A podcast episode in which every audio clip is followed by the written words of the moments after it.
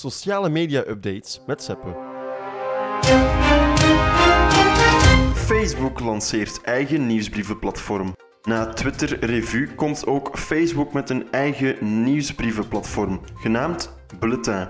Ze willen bij Facebook op die manier schrijvers en creators geld laten verdienen via de app. Momenteel bestaat er enkel een test-beta-versie van deze nieuwe tool van Facebook. Vanaf er meer nieuws is, hoort u het hier eerst. Voeg binnenkort threads of draadjes toe als post. Facebook heeft opnieuw een tool gekopieerd van een andere app. Op Twitter bestaan threads of draadjes, dat zijn posts met berichten waar meerdere berichten aan gelinkt zijn, al langer. En nu heeft ook Facebook plannen om deze tool te installeren op de app. Zo zal je in de toekomst niet telkens een nieuwe post moeten creëren, maar kan je boven de ene post verder gaan. Bijvoorbeeld met een recente update. WhatsApp rolt View Once uit. Het hing al langer in de lucht, maar nu is het ook officieel.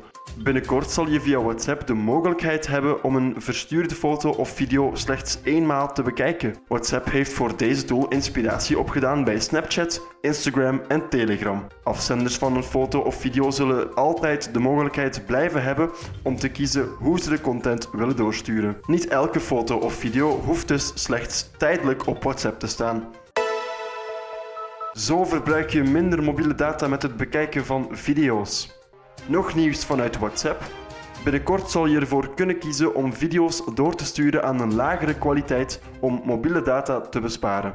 Op die manier hopen ze bij WhatsApp dat de gebruikers langer op de app zullen blijven wanneer ze gebruik maken van mobiele data. Of ze ook zullen slagen in hun opzet, zal nog moeten blijken.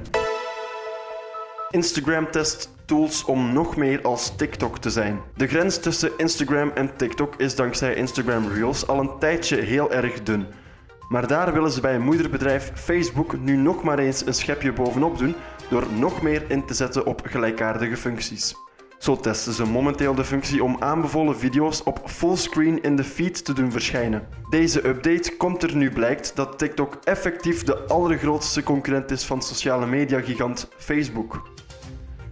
Die aanbevolen video's zullen overigens zowel van volgers als van niet-volgers verschijnen in jouw feed.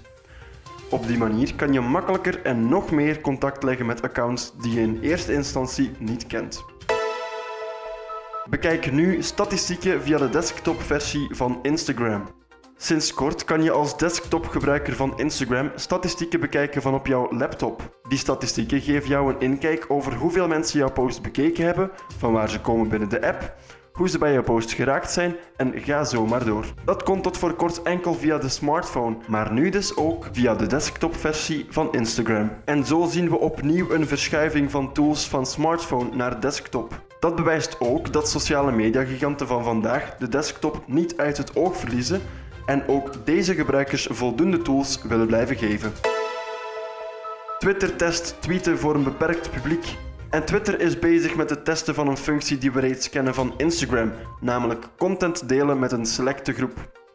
Op Instagram kan dat met de beste vrienden stories en die tool komt nu ook naar Twitter. Op de app van de mening zal je een publiek kunnen selecteren waarmee je bepaalde tweets deelt.